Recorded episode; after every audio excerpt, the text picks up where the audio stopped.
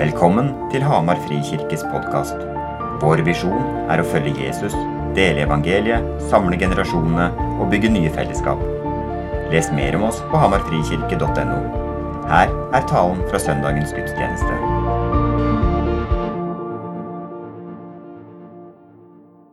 Så nå er det altså meg som har fått eh, æren av å avslutte denne fire ukes bolten om bærekraftig liv, med fokus på hviledagen.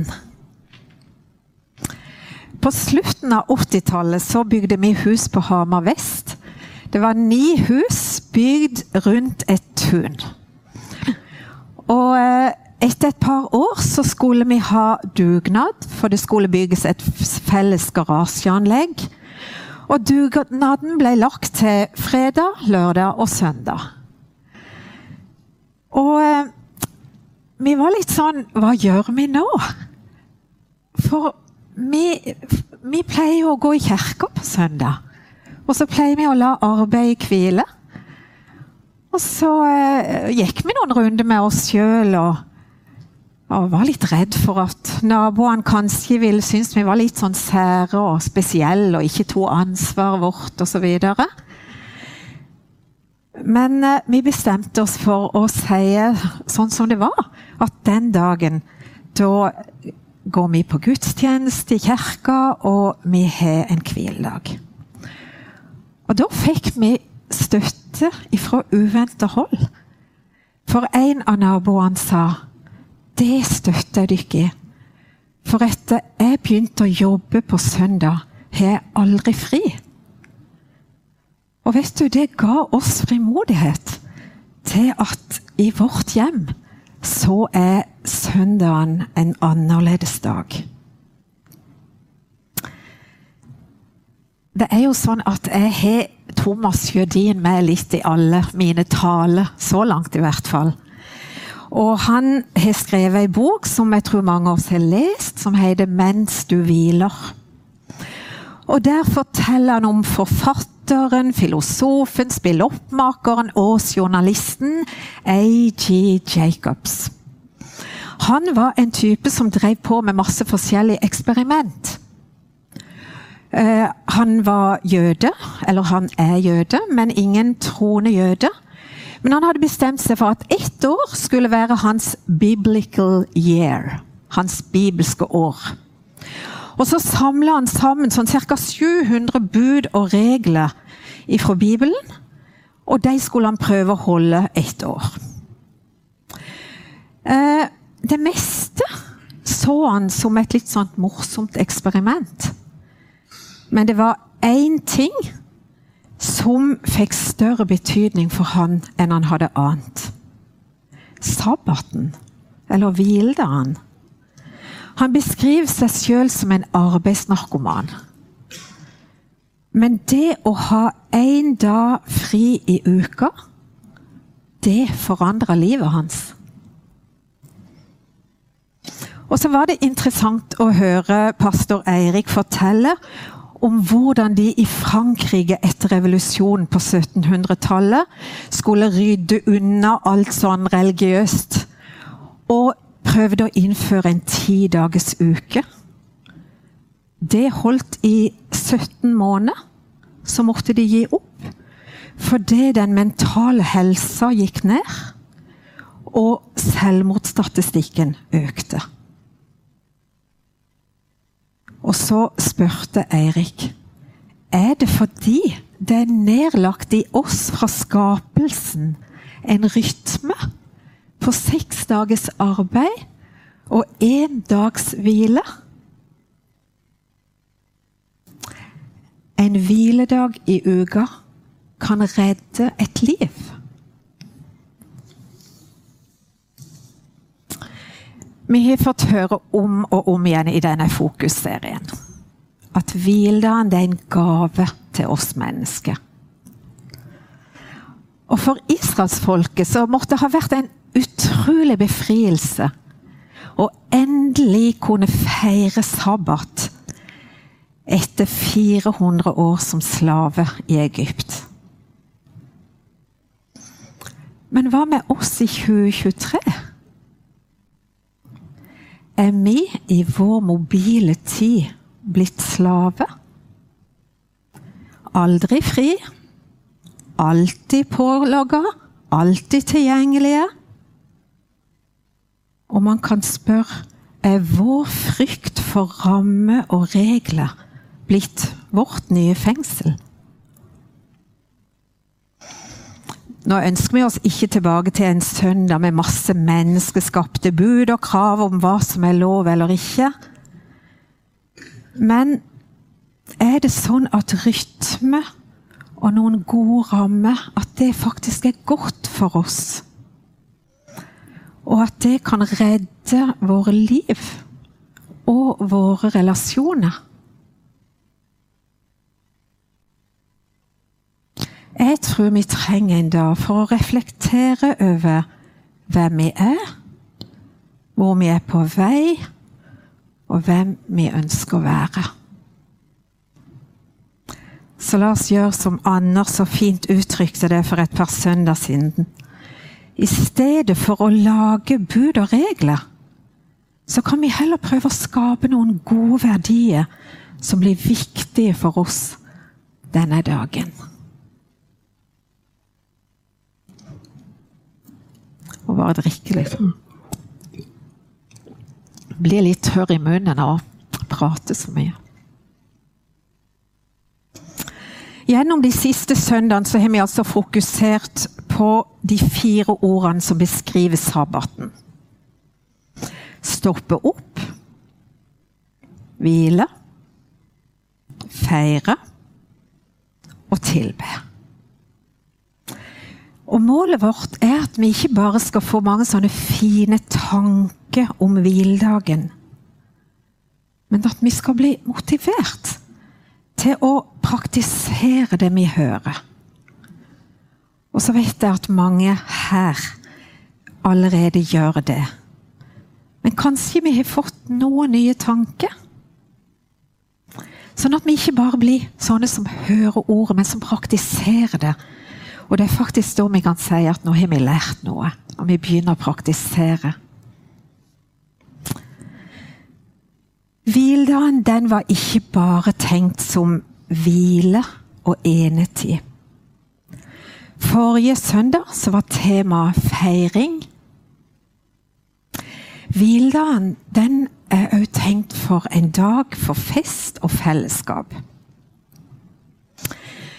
Før vi dro hjem fra Tanzania i 2016, så bestemte vi oss for at vi skulle prøve å bruke denne dagen eller helga til å invitere mennesker på besøk.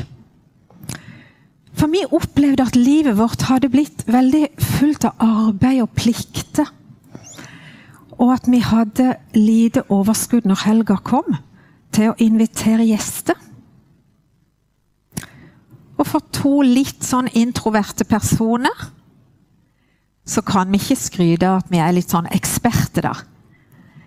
Men vi prøver alltid å tenke gjennom hvis vi har ei frihelg. Er det noen vi kan invitere denne helga, denne søndagen eller kanskje denne lørdagskvelden? Og det er kanskje ei god utfordring for flere av oss. Selv om jeg vet det er mange her som er fantastiske på å invitere. Men nå er jeg kommet til det fjerde ordet i fokusserien vår. Tilbedelse. For hviledagen, sabbaten, den var òg meint til tid med Gud. Og et annet ord for søndagen er jo helligdag. Og jeg vet ikke om du forbinder det ordet hellig med noe sånn litt sånn fromt og prektig. Men det betyr jo egentlig satt til side for noe annet. Hviledagen, sabbaten, den skulle òg være en dag satt til side for Gud. Og dette ordet tilbedelse, det kommer av det hebraiske ordet shatja. Håper jeg sier det riktig. Shatja. Som bokstavelig talt betyr å legge seg ned utstrakt. I gammel tid så ville man bøye seg hvis det var noen, man møtte noen med høyere status. Og hvis det var en konge, så ville man bøye seg ned som et uttrykk for underkastelse under kongens styre. Og Derfor så re reagerte brødrene til Josef så sterkt på denne drømmen Josef hadde om at de sine kornbånd skulle bøye seg for Josef. Skulle de underkaste seg Josef? Det var en provoserende tanke for det. Men så vet vi jo at eh, noen år seinere så var det nettopp det de gjorde. Alle mennesker tilber noe. Det spørs egentlig bare hva og hvem. Og I Bibelen så har vi mange eksempler på tilbedelse. Noen tilbar Gud, og noen tilbar andre guder. Da Moses var på Sinai-fjellet og fikk de ti bud, så ble israelsfolket utålmodige og de samla sammen det gullet de hadde i leiren, og bygde en og støpte en gullkalv. Og så begynte de å danse og tilbe rundt gullkalven. Og vi kan kanskje riste litt på hodet og tenke var det mulig? De som hadde opplevd så mye under. Men vet du, jeg tror at alle har vi tilbøyeligheten og fristelsen til å tilbe noe annet enn Gud. For alt det vi setter foran Gud, det tilber vi. Og Derfor så tror jeg vi trenger tid til å reflektere over om det er noe i livene våre som tar for mye av vår tid og oppmerksomhet og som kanskje har blitt en avgud for oss. Men heldigvis så har vi noen eksempler i Bibelen òg på mennesker som innså hvem de sjøl var, og falt ned og tilba Gud. Eller Jesus. Og jeg tenker på Peter, som opplevde fiskeunderet. De hadde fiska hele natta, ikke fått noe fisk. Og så sier Jesus, 'Kast garnet på den andre sida.' Og så ble garnet fullt av fisk. Og Peters respons da var å løpe fram til Jesus og kaste seg ned foran ham og si 'Gå fra meg, for jeg er en syndig mann'. Jeg tror han fikk se noe at i forhold til Jesus så kjente han på sin egen uverdighet. Men der og da så skjedde det noe med Peter. Han ble oppreist, og så fikk han et nytt kall. Jeg vil gjøre deg til menneskefisker. Og jeg tror at ifra den dagen så ble Peter en tilbeder av Jesus. For en del år siden så gikk det en film på kino. Jeg hadde akkurat lest trilogien av Sigrid Undset, 'Kristin Lavransdatter'. En, eh, en, trilogi, Hvis du ikke har lest den, så anbefaler jeg den. Den gjorde et veldig inntrykk på meg. Og så nokså rett etterpå så ble det lagd en film. En kinofilm som gikk på alle norske kinoer, og som ble en litt sånn farsott. Og eh, den, det var ei scene i den filmen som gjorde et veldig inntrykk på meg. Fordi at For dere som ikke kjenner historien, så er det Kristin som eh, gikk sine egne veier. Hun ble veldig forelska i Erlend. Eh, men det ble et ganske vanskelig liv. Og han, Erlend han eh, hadde ikke akkurat levd noe liksom fromt og, og bra liv, og, og, gjorde livet ganske vanskelig for Kristin. Men på sine eldre dager så gikk eh, Erlend pilegrim til Nidarosdomen. Og så er det ei scene der Erlend ligger helt utstrakt på gulvet. Og så ser du hvordan lyset gjennom vinduene, gjennom glassmaleriene, treffer Erlend. Og så ligger han der lenge. I Guds lys. Tilgivelsen. Og så er neste scene at han reiser seg opp. Og jeg tror han gikk ut som en ny og oppreist mann. Akkurat som Peter gjorde etter sitt møte med Jesus.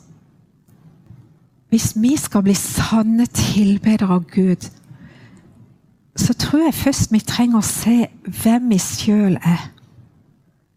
At vi er syndere, og at vi ikke har noe å vise til Gud som kan imponere ham.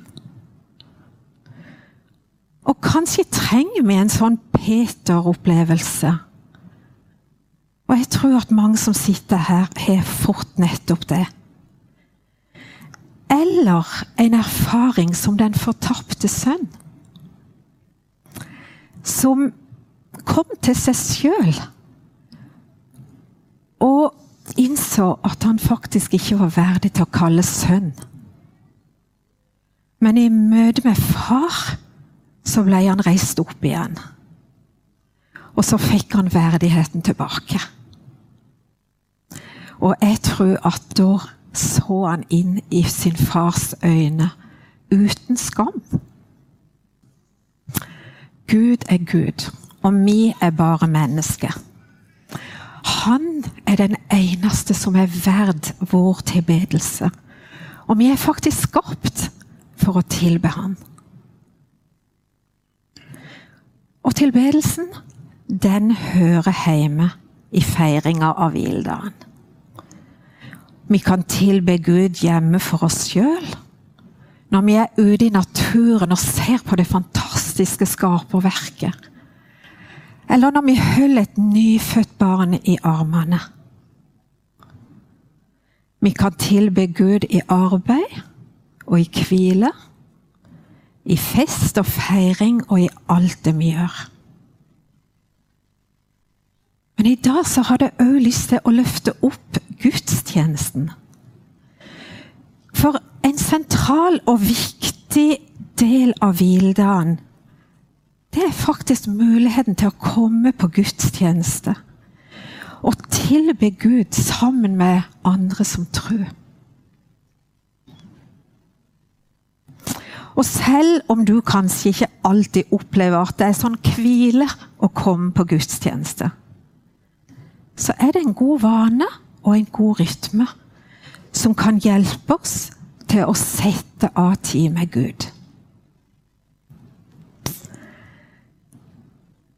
Denne høsten så har vi to kvelder på vår husgruppe blitt minnet om noen vers fra Bibelen.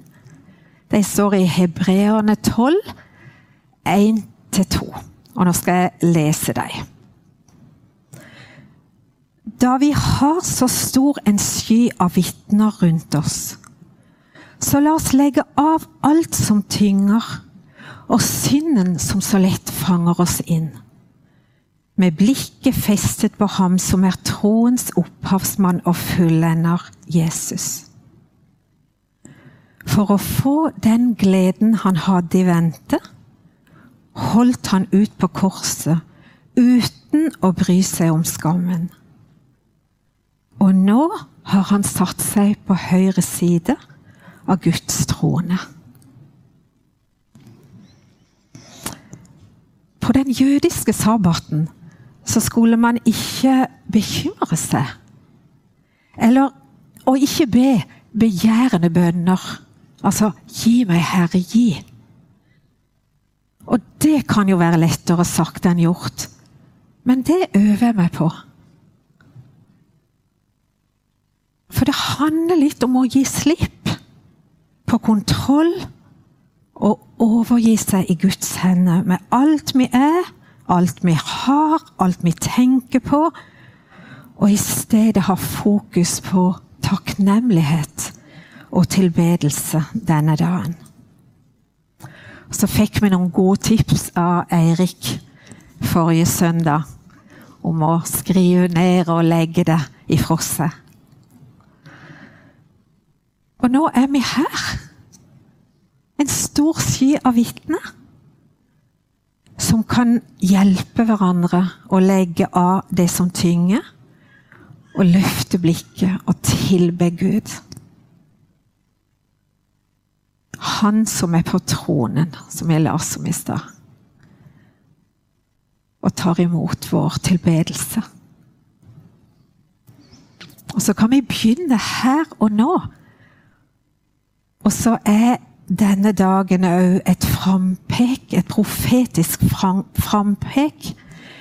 På den dagen når vi skal stå foran Guds trone sammen med folk fra alle nasjoner stammer, folk og tungemål, og rope ut All lov og pris og visdom, takk og ære, makt og velde tilhører vår Gud i all evighet.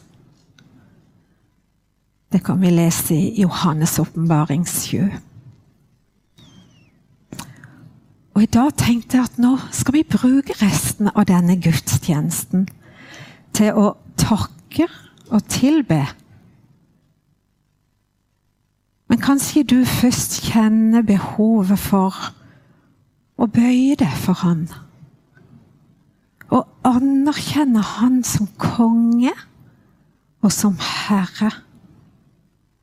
Vi har allerede lagt av oss noen byrder, men kanskje du fremdeles kjenner på at det er byrder som du trenger å legge ifra deg, før du finner din posisjon som tilbeder.